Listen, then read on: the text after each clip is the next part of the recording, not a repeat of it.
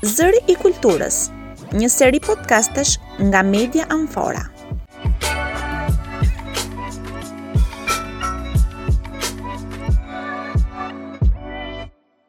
Përshëndetje miq, unë jam Livia nga Media Amfora. Po dëgjoni serinë e podcasteve Zëri i Kulturës. Sot në serinë e dytë do të kemi të ftuar Ivo Mojën. Përshëndetje Ivo dhe faleminderit që jeni bërë pjesë e Media Amfora sot. Përshëndetje Livia, është kënaqësi të jem pjesë e juaja. Ivo ka mbaruar studimet në bachelor për qeramikë dhe studimet master shkencor në skulpturë monumentale në Universitetin e Arteve të Bukura në Tiranë. Aktualisht prej 6 vitesh ai është punonjës në sektorin e restaurimit në Muzeun Arkeologjik të qytetit të Durrësit.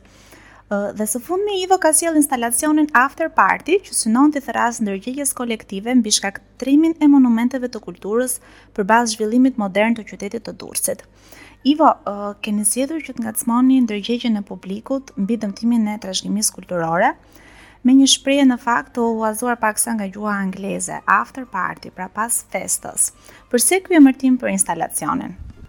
Si fillim unë mendova t'i vija këtë këtë titull për faktin që after party është Diçka pas pas feste, domethënë një një zhurmë, një rrëmujë e cila pas çdo feste ka nevojë për për t'u t'u mbledhur, për t'u pastruar, për parë gjithçka çfarë është bërë përpara dhe në fakt në Shqipëri mendoj që është bërë vërtet një party party edhe goxha e madhe nga nuk e di nga politika, nga biznesi, nga çdo gjë, e cila ka lënë dhe pasojat e veta. Si lindi ideja për ta për ta përfaqësuar sfidat moderne të qytetit të Durrësit midis dëshirës për urbanizim dhe pakujdesisë për të ruajtur gjurmët e së kaluarës? Lindi për faktin që unë u bëra vite që Jetoj kam lindur në Durrës dhe i kam parë të gjitha ecuritë që nga pjesa ku na na morën parqet që ishim fëmijë të vegjël e mbasi vinim nga pushimet gjenim një fushë që ne e kishim për të luajtur dhe mbas mbas kësaj çdo gjë ishte e mbuluar me qepen për të bërë të mundur ngritjen e një ndërtese dhe janë disa detaje të vogla që ti mendon se nuk ndikojnë, por ama kur kur rritesh mblidhen të gjitha dhe shpërthejnë në një after party. Shumë e vërtetë. Um, pak a shumë, cili është subjekti i instalacionit që ju sillni për qytetarët e Durrësit?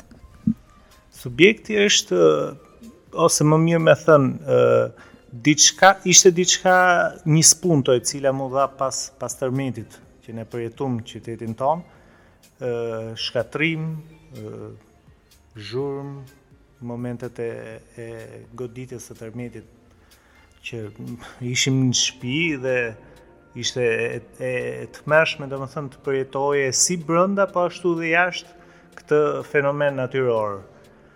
Aty e, figurohet një kapitel, i cili është kapiteli i Bazilikës së Arapajt, Fatkeqësisht është lënë pak mbas dore dhe mm, uroj që të ketë më tepër përkujdesje dhe një investim për ta bërë të mundur që ai të jetë përsëri i vizitueshëm. Mbas bazilikës së Arapajt figurohet po ashtu dhe një kapitel i cili është i thyer dhe ka dhe disa uh, brenda tij ka materialin hekur që lidhet po ashtu betonizimi i Durrësit, por ama edhe pjesë e kolonës, sepse është kolonë antike. Për më tepër edhe kam figuruar dhe figurën e Teutës, dhe ajo e, e thyer, e copëzuar, e shtrirë përdhe. Shumë interesante dhe e frikshme në, në të njëjtën kohë. Është e vërtetë që tërmeti zgjoi si të thuash një ndjesi te gjithë ne qytetarët për ta parë qytetin tonë ndryshe, duke filluar që nga siguria në shtëpitë tona dhe më pas tek shkatërrimi dhe ndërtesat e reja dhe shkatërrimi i, i arkeologjisë. A mendoni se ka ardhur momenti që përveç denoncimeve nga arkeologët dhe media vetë, Artistët gjithashtu të kenë në fokus ngacmimin e ndërgjegjës kolektive përmes artit mbi dëmin e parekuperueshëm ndaj monumenteve të kulturës.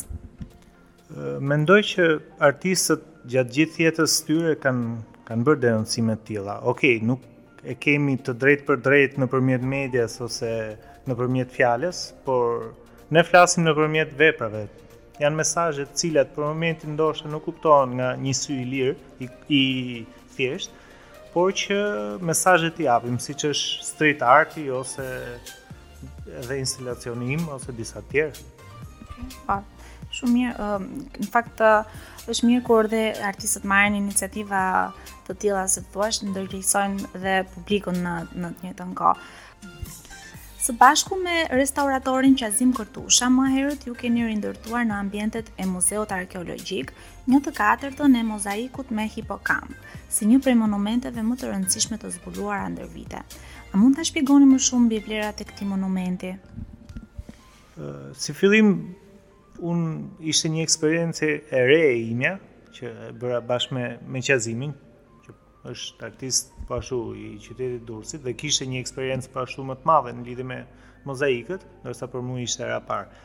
Ishte një ndër eksperiencat, mund të them, më të bukura për faktin se nuk e kisha eksperimentuar vetë dhe mm, la një një shije sado që kishte lodhje, por ama ishte edhe një shije e bukur, sepse çdo gjë u bë punë dore, e cila ok, gjysma e, e teserinave ishte e prerë me makineri, por tjerat janë punuar të gjitha me dorë.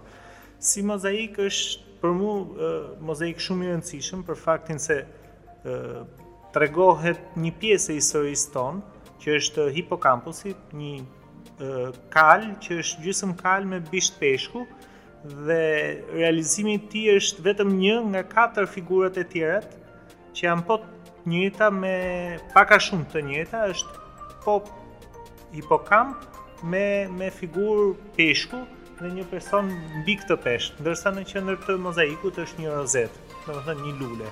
Por ë mendohet që ka qenë një vilë goxha prestigjioze që ka bërë një mozaik të tillë. Mm -hmm. Dhe çfarë efekti ka pasur për vizitorët ekspozimi i tij në muze?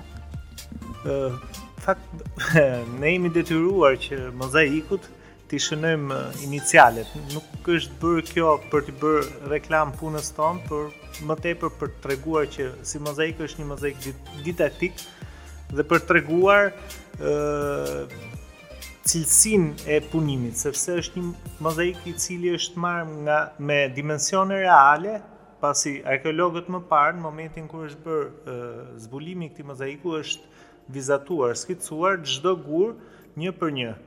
Dhe mendoj që ka bërë goxha bujë sepse personat vijnë dhe shohin mozaikun, mendojnë që është origjinal, por në momentin që shohin inicialet edhe vitin, e kuptojnë që është një prodhim. Po. A mendoni se ka nevojë që monumentet e kulturës si amfiteatri apo muzeu arkeologjik të rijetëzohen dhe të kthehen në qendra ku specialistët, artëdashësit dhe publiku i gjerë pse jo, të mblidhen dhe të diskutojnë për shqetësime që lidhen me trashëgiminë, me sfidat dhe zhvillimet, qoftë edhe duke u pasuruar nga nisma si instalacioni juaj i fundit. është më se e nevojshme, nuk, nuk, nuk kam si ta them, po ose jo, dihet. Po, po, në fakt, është shumë e nevojshme dhe do ta ndihmojë shumë dhe dhe ne dhe, dhe publikun dhe për t'u rikthyer tek instalacioni juaj i fundit after party. Çfarë efekti krijoi ai për publikun dhe vizitorët e Muzeut Arkeologjik në Durrës ku qëndroi i ekspozuar? Ne patëm një ekspozitë në fakt dhe instalacioni im ishte pjesë e ekspozitës, ama ishte jashtë ekspozitës. Që domethënë, ekspozita u zhvillua në një ambient, ndërsa instalacioni ishte u bë pjesë e e muzeut arkeologjik. U bë aq pjesë saqë ë më interesante ishte kur vjen punonjësja hidrosanitare mhm. e muzeut dhe më thotë o Ivo të lutem thotë mos e hiq thotë lëre aty sepse më pëlqen shkon në muzeun. Edhe aty e kuptova që e kishte bërë atë efektin e vet. Si e shihni të ardhmen për trashëgiminë kulturore që gjendet nën tokë dhe monumentet e zbuluara në perspektivën e nevojave për zhvillimin e qytetit dhe ruajtjen e identitetit tonë kulturor? Më mirë qëndrojnë nën dhe. për ta përmbyllur këtë bashkëbisedim, a keni menduar për një instalacion apo vepër të radhës um, për të ngacmuar me mesazhe përmes artit dhe nevojën që ka për ruajtjen e trashëgimisë sonë kulturore? Apo është surprizë? Jo, nuk mund të them që është surprizë sepse në të gjitha veprat e mia, të paktën këto që kanë qenë jo punë porosira, por që kanë qenë gjitha me mesazhe, siç mund të kenë qenë për shembull veshja veshja e Isa Boletinit e hedhur përdhe ose pak jashtë temës ishte për ngrohjen globale, ariu polar që mundohej të shpëtonte nga ngrohja dhe mendoj që gjatë gjithë jetës time me me këtë temë do merrem. Do kemi dhe instalacione të tjera shumë. Unë të uroj shumë suksese Ivo dhe faleminderit. Faleminderit juve, Amfora. Atëherë instalacionin në foto mund ta shihni në amfora.al në rubrikën podcaste ku përveç se mund të dëgjoni edhe këtë podcast, do të keni edhe një përshkrim shumë të shkurtër të instalacionit dhe të ta shikoni me sy instalacionin. Kështu që na ndiqni në amfora.al, na ndiqni në Facebook,